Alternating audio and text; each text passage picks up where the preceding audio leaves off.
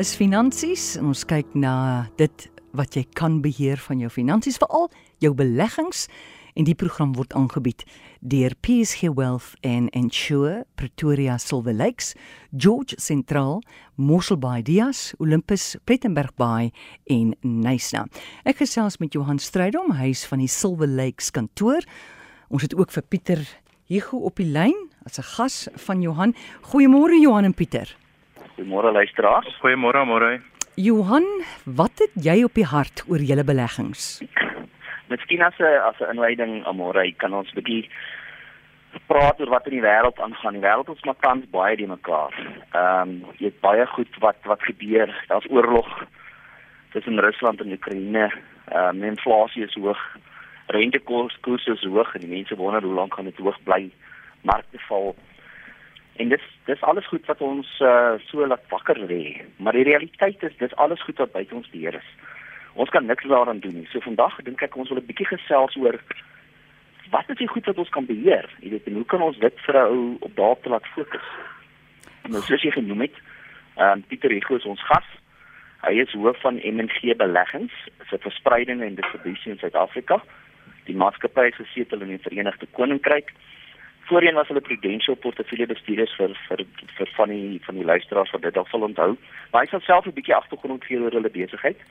Ek dink net die vraag is maar hoekom is hy ons gas? Ehm um, waar pas hulle in by ons oplossings? Miskien net vinnig. Wanneer 'n kliënt by ons kom, dan doen ons 'n kontantvloei ontleding en ons probeer vasstel wat is die kliënt se behoeftes sodat ons presies weet wanneer het hy wat nodig het vir beleggings uit. Sodra mens dit weet, dan sal ons nou verskillende en doen dit nou sommer net eenvoudig te stel risikopoele skep en van hierdie risikopoele gaan nou voorsiening maak vir jou korttermynfondse en behoeftes en ander gaan nou voorsiening maak vir jou langtermynbehoeftes. Ek noem gewoonlik goed wat vir die korttermynbehoeftes voorsiening maak jou lekker slaapbates soos markte is soos dit nou is, moet dit nie daai deel van daai beleggings affekteer nie. En die ander die langtermyn goed, die goed wat met groei, dit is die lekker eetbates. Nou binne hierdie risikopoele probeer ons dan intelligent diversifiseer tussen verskillende fondsbestuurders wat dan na ons kliënte se geld kyk. Goed. Nou Pieter Johan het nou verwys na intelligente diversifikasie. Wat word daardeur bedoel? Uh goeiedag ja, môre en en baie dankie dat jy ons op die program het. So wat gee die groep doen om die beleggings bymekaar te sit, kom ons vat 'n gewone gebalanseerde fonds dan soek hulle 'n paar verskillende batebestuurders wat geld op verskillende maniere belê en verskillend deur die siklusse gaan maar ook almal oor die langtermyn kan uitpresteer. So MNG beleggings ons bestuur ehm um, 'n gedeelte van 'n hele paar van die PSG fondse, hulle gebalanseerde fonds, hulle aan die aandele kant fondse en ook aan die meer konservatiewe kant 'n paar van die fondse. En ons bestuur geld op 'n spesifieke manier wat ek dink goed in in uh, pas by hulle weier oplossings om oor die langtermyn vir die vir die kliënte soos ons nou alreeds gesê die wêreld is maar baie die mm. mekaar en groei is moeilik om te kry. Hoe kan ons 'n ekstra 1 of 2 of 3% vir die kliënte lewer en en dan ook die die roete wat ons volg om dit ehm um, te lewer vir die kliënte laat dit aanvaarbaar is dat 'n kliënt nie halfpad in die roete af ehm um, uitklim en dan homself baie seer maak daardeur nie. Goed Johan, lyk my dis 'n proses, né? Waarna Pieter onder andere verwys om by jou antwoord uit te kom. Heeltemal reg, en so 'n proses is is belangrik en dit kan ook een van die dinge wees wat ou kan beheer. Is om seker te maak ou het 'n proses. En hoekom wil jy dit doen? Want 'n proses gee vir jou vas of 'n bepaalde manier om by antwoord uit te kom. En ek dink dit help jou ook om bietjie meer konsekwent te wees in jou besluite. Jy weet dis nie dinge gebeur nie toevallig nie. Ehm um, jy kan jy kan op enige gegee stadium sit en verduidelik hoekom dinge goed gaan en of hoekom dinge verkeerd loop. Jy weet dis nie 'n raaisel of 'n verrassing nie. En ek dink dit is die belangrike ding van so 'n proses dat jy fokus op dit wat jy kan beheer, dinge wat jy kan beheer, byvoorbeeld ons moet seker maak dat dat beleggings nie te kompleks is nie maar verstaanbaar is vir kliënte en mens moet gaan kyk na koste-effektiewe oplossings definitief iets wat mens kan beheer kostes en ek dink dalk baie belangrik in in Pieter gaan nou 'n bietjie meer daaroor praat is om menslike emosie uit te skakel in hulle beleggingsbesluite. En dit is nogal 'n moeilike een. Maar daar's genoeg bewyse dat dat beleggingsportefeuilles waar prosesse gevolg word oor tyd baie beter doen of uitpresteer teenoor iets wat net kraak plaasvind. Ja, dis 'n probleem want Pieter, die mense is nou maar 'n emosionele wese, hè. Ja. En uh, ja, dit speel ongelukkig emosies speel 'n groot groot rol lyk like dit my by beleggingsbesluite. Gee jy nou vir ons daar 'n paar wenke hoe hoe kan ons osself beheer? Ja, maar ek dink net om vinnig by Johan se proses aan te sluit. Doe ek baie keer se probeer verduidelik of as jy met jou ouers praat om te sê wat maak hulle hoe belê hulle geld. Ek ek dink is maar so eenvoudig om te sê jy jy het 'n resep soos om 'n koek te bak of om om enige iets te uh, kos voor te berei want en en jy moet hierdie proses moet natuurlik werk en jy moet hom oor en oor volg want as die wêreld baie baie te mekaar raak dan begin jou emosies bietjie met jou kop rond speel en dan wil jy snaakse dinge begin doen. En dan moet jy jouself en, en dis waar span ook baie belangrik is jou span mekaar eerlik hou en sê ouens kom kom ons vergeet bietjie wat gaan aan in Oekraïne of in die inflasie net vir 'n sekonde ons kyk wat sê ons resep, wat ons wat moet ons doen en wat moet ons hier toepas. Van ons baie baie navorsing wat bewys sodra jy wegbeweeg van jou proses af wat tipies gedryf word deur jou emosie op daai tyd en ons almal luister die radio en ons almal lees koerante en die, die wêreld raak baie te mekaar op plekke dan eh, dan begin emosie bietjie uh, weghardloop met die rasionele kant van jou brein. So as jy na die emosie kan kyk, mm dan dan moet uh, ouma dink kyk ons ons hoe ons as mense saamgestel is. Jy is saamgestel om weg te beweeg van gevaar af. As jy jou hand by 'n vuur hou of by 'n warm plaas hou jou jou hele menswees is gebou om haar hand weg te ruk so gou as wat jy kan ja. om te oorleef. En en ons doen dit baie goed. Nou die die een ding wat 'n ou partykeer moet onthou van beleggings is dit dit werk bietjie anders om as die hele res van ons lewe Met ander woorde, as daar tipies 'n ding is wat pyn vat of wat pyn veroorsaak, dit is nou tipies jy besit 'n aandeel en die aandeel val 30, 40, 50%. Dit is baie baie pynvol. Wat ons dan gewoonlik kyk is is daar 'n baie goeie rede hoekom hierdie aandeel so ver moet val? Of is die mense bietjie te emosioneel en hierdie ding val baie verder as wat hy moet val. Hy moes miskien net 10% geval het en almal ooreageer en hy val 40%. Dit skep 'n geleentheid weer. So nou moet jy na die pyn toe beweeg wat so half bietjie mm. uh teen is hoe ons gewoonlik daaraan dink. En en dit is maar tipies wat ons probeer doen. So as jy dit terugbring na jou luister luisteraars, jy moet jou jou werk doen voor die tyd en besluit. Ek gaan byvoorbeeld, ek doen my huiswerk op MG beleggings en ek doen dit op op PSG en en ek het sien hulle is goeie maatskappye mee te werk en nou belê ek by hulle. Maar soos die wêreld verander, gaan enige mens gaan deur goeie periodes en swakker periodes.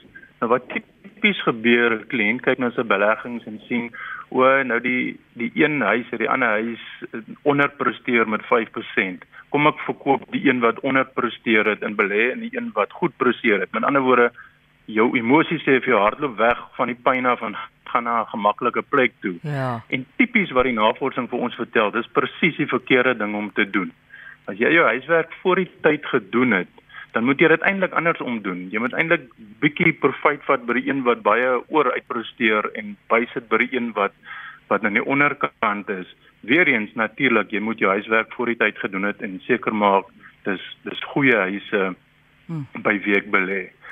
En dan ek dink die groot ding wat ons almal probeer doen is as dit by geld spaar kom, meeste mense kom naby aan aftrede en nou wil hulle begin kyk hoeveel geld het ek of wat het ek gedoen. Ongelukkig of die, die grootste ding wat vir jou kan help deur jou hele lewe van geld spaar of geld belê is tyd. Nou om tyd tot jou voordeel te gebruik, moet jy begin spaar op 20 of 22 so vroeg as wat jy daai eerste eh, salaris kry. Spaar 'n klein bietjie al. Is dit net 'n klein bietjie, R500 'n maand en spaar en dan kan saamgestelde vir rente vir jou werk oor 20, 30, 40 jaar. Maar as jy eers op 45 wakker skrik en sien o, ek moet oor 10 jaar of 15 jaar aftree, dan is daar bitter min wat mense vir jou kan doen. Of jy 'n uh, finansiële adviseur of 'n batebestuurder is, dan het jy 'n bietjie uit tyd uitgehardloop en dan daar's 'n klomp dinge wat jy kan doen, maar dit raak dan natuurlik baie moeiliker om dit reg te kry. En omdat dit dan moeiliker is, sien jy ook nou weer nou begin mense onnodige kansse vat. Hulle belê in allerlei oulike stories wat hulle hoor uh in die media of om die braaivleisvuur van jou buurman het hierdie aandeel of daai ding gekoop en nou raak mense desperaat en hulle koop hierdie tipe van goed en dan is dit eintlik maar 'n struik waarin jy trap en maak jouself baie seer. Goed, so Johan, die enigste mense wat nou tyd op hande het is die jong mense. Watter raad het jy vir hulle? Nou môre, ek dink ehm um, Pieter het nou net verwys na die jong mense. Ek is ek is baie bang as ons praat van jong mense want my ma is 85 jaar oud en ek moet sê sy is nog bloedjonk. so miskien moet ons sê jong mense, mense wat 'n lang werkloopbaan nog voor hulle het wat weet hy gaan nog 30 of 40 jaar moet moet werk. Maar ek sê dis 'n paar goed. Eerstens begin vroeg spaar. Pieter het nou net gesê mik ten minste om omtrent 20% van jou inkomste te spaar. En elke jaar wanneer daar 'n verhoging is, sit 'n gedeeltjie daarvan weg. Dit is 'n feit dat omtrent net 4% van ons land se mense kan finansiëel onafhanklik aftree. En dis omdat hulle te laat begin spaar, meestal. Ek trek verwys na saamgestelde rente, ek wil dit 'n bietjie. Ek dink vir enige jong mens geniet die krag van saamgestelde rente. Nou wat is dit? Dit groei op groei oor tyd of rente op rente. Kom ons verduidelik gou net vinnig met 'n voorbeeld. As jy die jaar begin met R10000 en jy kan 'n 10 en jy het 'n 10% opbrengs. Dis so R1000 se opbrengs wat jy kry. Aan die einde van die jaar het jy 11000. Dis nie die volgende jaar begin nie 10000 groei nie, maar 11000 begin groei. So jou opbrengs is nie meer R1000 nie, het nou R1100. Nou vat ons aan die einde van jou tweede jaar is dit nou 12100 wat jy het. Nou as jy daai net 'n bietjie aangaan. Hier na 10 jaar is daai R10000 28000 rand. En jy het op maar net die 10 belê in die begin. Maar jy het toegelaat dat saamgestelde rente in jou guns werk. Ek het 'n vriend wat se status op sy WhatsApp is saamgestelde rente, die agste wonder van die wêreld. En ek dink ou moet dit nie vergeet nie. Dit is wat ek vir vir jong mense wil sê. En miskien Pieter, ek weet jy het 'n baie oulike voorbeeld van twee jong mense wat op verskillende tye ehm um, begin spaar. Miskien kan jy dit net vir ons ook deel. Ja, Johan, enige tyd. Ek dink ons het sommer 'n baie eenvoudige voorbeeld saamgespaar van iemand, kom ons sê jy begin R10000 'n jaar spaar op ouderdom 25. Ons breek dit nou nie 'n maande op jou hou dit maar eenvoudig. En jy doen dit vir 10 jaar lank totdat jy 35 jaar oud is. Dan het jy nou 10 maal 100 uh, 10 maal 10000 gespaar wat R100000 is as jy dan dit teen daai 10% rente bou en hy hou opspaar op daai tyd, maar hierdie poolgeld hou aan groei tot op 65, dan kom daai geld aan die einde op net meer as 3 miljoen rand uit. As die ander persoon, hy begin 10 jaar later spaar, hy begin eers op 35 spaar. Nou spaar hy 10000 rand 'n jaar tot op ouderdom van 65. So hy doen dit vir 30 jaar lank. So in totaal spaar hy 300 000 rand wat hy insit. Dis al reeds drie keer meer as die eerste persoon wat net op 25 begin het en net vir 10 jaar spaar. Maar die tweede persoon, sy 300 000 rand aan die einde van die 30 jaar is nou 1.8 miljoen rand werd. So so dit is sy 300 000 rand het basies 6 keer meer gegroei wat ongelooflik is. Maar daai eerste persoon wat net 'n 100 000 rand gespaar het, maar hy het dit baie vroeg gedoen. Sy 100 000 is 300 uh, 3 miljoen werd. So is vir elke 1 rand wat hy gespaar het, het hy nou meer as 30 rand na hierdie tydperk. Waar die tweede persoon wat bietjie later gespaar het, elke 1 rand wat hy gespaar het, is net 6 rand werd. So dit, dit wys jou maar net hoe jy eintlik baie minder kan spaar as jy net vroeër begin en en almal sit altyd daar as jy 25 is, het jy miskien studieskuld om af te betaal en karre en selfone en al die oulike goed. Maar ek dink baie van die luisteraars verstaan die dag as jy 60, 70, 80 jaar oud is en jy weet jou lewe kon oor hê, wat sou jy gedoen het? En ek dink ons almal sal probeer het om vroeër te spaar. En ek dink dis dan iets wat ons almal vir ons kinders en kleinkinders kan sê. Luister, druk maar daai klein bietjie af, probeer bietjie vroeër spaar en, en kyk hoe jy aan die goeie kant van saamgestelde rente kan eindig. Goed, dankie Pieter. Nou Johan, jy het genoem mens moet fokus op goed wat jy kan beheer. Kan mens die belasting wat jy betaal op beleggings beheer? Ehm um, almore jy nie gaan belasting betaal. Maar hmm. daar's verskillende soorte belastings. So inkomstebelasting kan opgaan tot 45%. Kapitaalwinsbelasting gaan weer op tot 18%. Dividendbelasting kan 20% en dan boerebelasting kan tussen 20 en 25%. So wat ons sê is, ja, jy kan dit beheer. Probeer jou beleggings en jou planne so struktureer dat jy eerder minder inkomstebelasting betaal teen 45% en eerder meer betaal wat kapitaalwinsbelasting of dividendbelasting teen 18 of 20, dan wen dit mos. Die tweede ding rondom belasting is probeer die betaling van belasting uitstel. En probeer dus jou goed so doen dat jy belastingvry kan groei van nou kry jy groei op groei waarvan ons nou nog gesels het wat jy bykomend kry waarop jy nie belasting betaal nie maar eerder eendag belasting betaal wat nou natuurlik vir jou weer in die toekoms een of ander um, meer opsies gee. In die toekoms kan ons dan beplan om 'n kombinasie van beleggings te hê sodat 'n ou probeer tussen hierdie verskillende belastings jou inkomste of wat jy nodig het so doen dat jy op die ou en die minste betaal. So ek dink en daar's baie produkte beskikbaar in die mark waar dit moontlik is om binne die produk belastingvry te groei. En ons gaan nou nie vandag oor al die produkte praat nie. Die luisteraars kan my gerus skakel. Maar ons kan oor uitreëniteite praat, ons kan oor lewensaniteite praat, ons kan oor belastingvrye beleggings praat.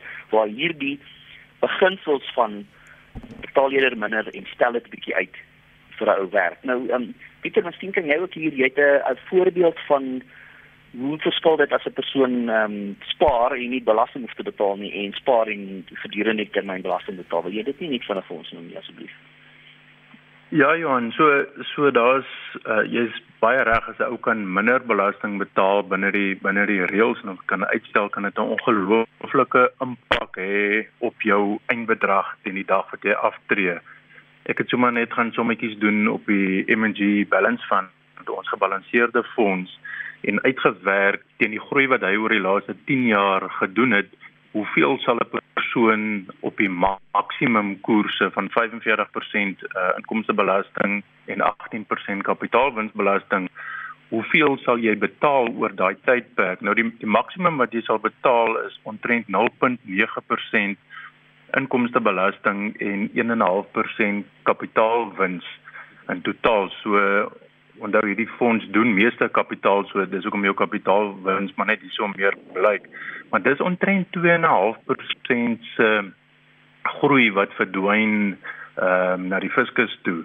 Nou om jou idee te gee as jy kom ons sê jy belê 'n miljoen rand vir 30 jaar ehm um, teen die koers wat daai fonds gegee het teenoor jy belê vir 30 jaar teenoor die koers minus die impak van belasting dan om en by die miljoen rand sou 25 miljoen rand werd gewees het as daar geen belasting was nie en 12.9 miljoen rand met belasting. Met ander woorde, jy het omtrent 90 uh, uh, 49% minder in jou pot as gevolg van belasting. So rolweg die helfte van jou geld het verdwyn na die belasting uh, pot toe. So ek dink is absoluut belangrik soos Johan sê, daar is klomp verskillende produkte beskikbaar wat afhangende van jou posisie kan jy kombinasies daarvan gebruik om belasting binne die reëls baie minder en die impak daarvan op jou beleggings baie minder te maak. So dis 'n baie goeie plan om met 'n finansiële adviseur te gesels en sê hoe kan hy jou spesifieke omstandighede so struktureer verskillende produkte gebruik om daai impak minder te maak want ek dink ons almal kan wil, wil liewers met die volle volle pot geld sit in die dag as ons met aftree in plaas van net ja of daarop gaan. Absoluut. Nou Pieter, die wêreld en markte is tans in chaos. Watter raad het jy vir mense wat naby aftrede is of reeds afgetree is? Wat moet hulle doen met hulle beleggings? Maar ek dink die die een ding wat ek baie sien en ek sit baie met adviseurs en gesels wat tipies gebeur as ons verstaan as ons deesdae naby aan belasting aan aftrede kom naby of op aftrede ons almal spaar in 'n vaste bydrae tipe van fonds deesdae so jy het jou eie potjie geld en daai potjie geld moet vir jou hou vir die res van jou lewe. So weer eens die natuurlike die emosionele ding is wat jy doen jy kom by jou adviseur en jy sê hierdie is die enigste pot geld wat ek het. Jy moet asseblief ek kan nie hierdie geld verloor nie. Belê vir my konservatief. Ehm um, en en dis 'n gesprek wat ons oor en oor en oor hoor by kliënte. Nou die probleem daarvan is as jy op kom ons sê 60 aftree, Johan het nou gesê sy sy ma's 85 jaar oud. My my ouers is ook in daai omgewing. So jy daai geld moet vir jou hou vir ten minste 30 na 40 jaar toe. Jy kan nie konservatief en daarmee bedoel ek nou meestal in geldmark gaan sit. Ehm um, jy gaan inflasie plus 1% se groei daar kry as jy baie gelukkig is. Ehm um, maar jy wil meer as 1% trek en dan kan jou kapitaal nie met inflasie groei nie. Ehm um, mense trek ten minste 5, 6, 7, 8% deesdae uit hulle potgeld uit. So jy moet uh is 'n goeie aantal groeibates in jou pot kry om na aftrede te spaar om daai groei te kry. Nou ongelukkig daai groei kom met 'n bietjie wisselvalligheid. Maar as jy mooi sit met jou adviseur en hy verduidelik vir jou soos Johan praat van sy sy korttermyn geld en sy langtermyn geld. Jou korttermyn geld belê jy natuurlik bietjie meer konservatief laat dit minder wisselvallig is, maar jou langtermyn geld sit jy genoeg in daarvan in groeibates wat vir jou groei ver bokant inflasie kan gee. Daar geld moet vir jou na aftrede nog baie werk. Baie mense dink hulle is klaar gespaar die dag as hulle by aftrede kom. Dis die tyd in jou lewe wat jy die grootste pot geld het. Daai pot geld moet met saamgestelde rente vir jou nog nog baie lank werk en jou kwaliteit van lewe bo inflasie kan op voortbou. Sjoe. Johan, Jy het in 'n vorige program wat jy gesels oor enkel premie uittreë anniteite en hoe dit onder andere kan help met boedelbelastingvermindering en so aan.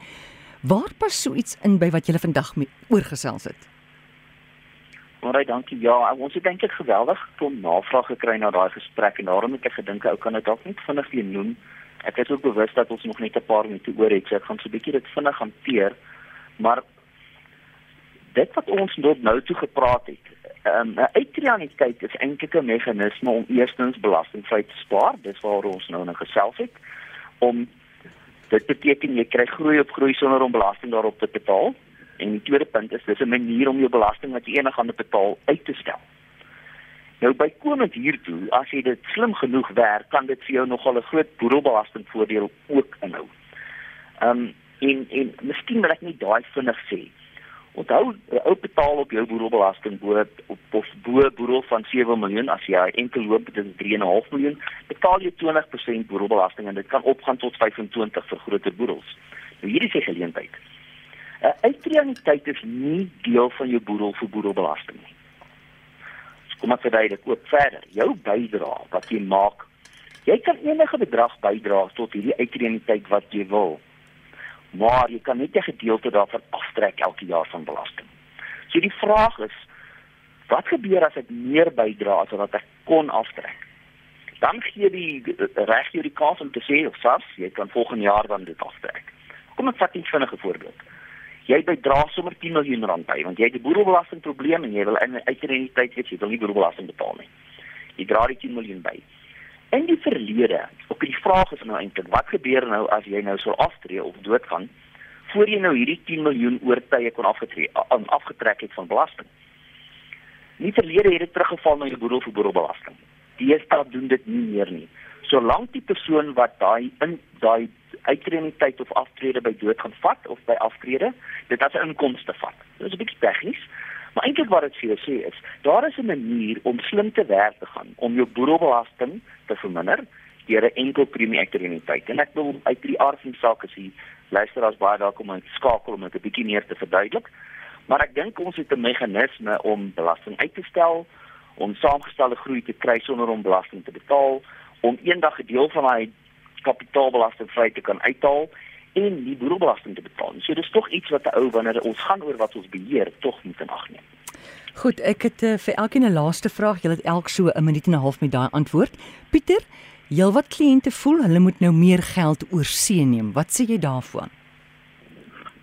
Amore, ek dink is dis uh, iets wat baie belangrik is om met jou ehm um, adviseur weer oor te gesels want wat baie mense gedoen het oor die laaste tyd Hulle kyk nou wat het gebeur met Suid-Afrikaanse beleggings en wat nie baie goed gegroei het oor 'n rukkie nie.